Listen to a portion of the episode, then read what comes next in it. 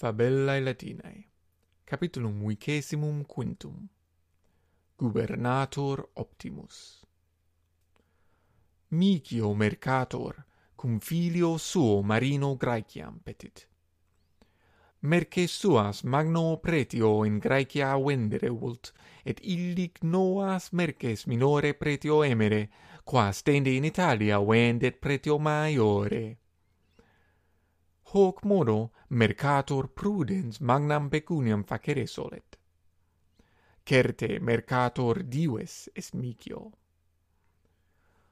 Dum navis vento secundo per mare vehitur, Marinus in puppi sedet et librum de optimo gubernatore, qui nomen erat Palinurus, legere conatur.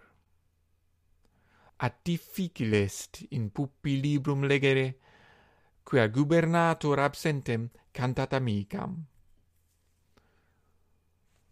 Marinus eum tacere iubet, sed ille foeda voce cantare pergit. Adulescens oculos a libro suo tollens maret caelum intuetur. Supra mare nubes atras oriri videt, et proculto nitrum audit statim patrem adit, et vides nenquit illas nubes atras. Quid ea significare putas? Ego tonitrum ac tempestatem venientem timeo, nam tonitrus iam procolauditur. Nolo in medio mari tempestatem opperiri. Iube gubernatorem portum petere, pater. Illic finem tempestatis opperiri poterimus mercator vero noli timere, inquit. Gubernator noster est bonus nauta, qui officium sum scit.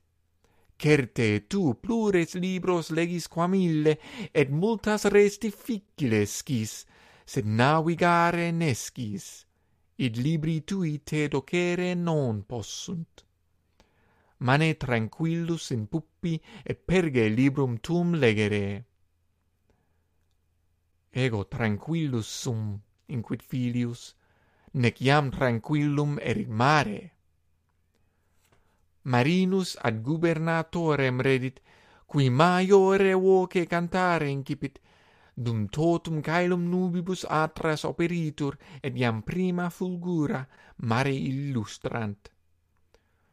Gubernato vero neque caelum neque mare aspicit et mare canere pergit tace gubernator inquidadulescens, specta caelum, facco ficium tuum, nec esse est portum petere, antequam maxima tempestas oritur.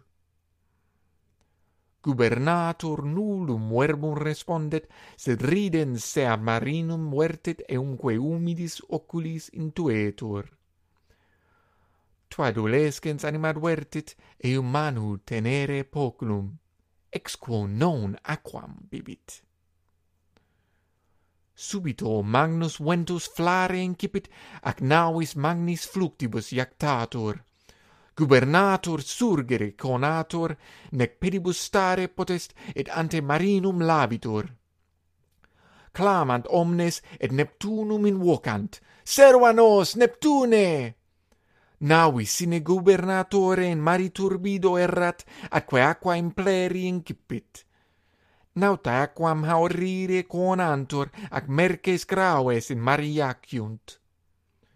Tumuero omnibus per territis, marinus tranquillus in loco gubernatoris considit, is nauem contraventum vertit et in mediis fluctibus recte gubernat ita navis servatur, nec fluctibus mergitur.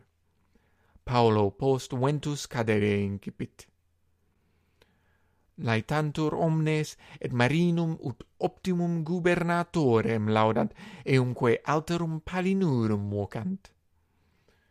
Micio laetus filium complectitur, et profecto inquit, tu non solum libros legere, sed etiam nauem gubernare scis marinus autem librum legebam inquit de Palinuro optimo gubernatore. Ut vides libri me multas res medocere possunt.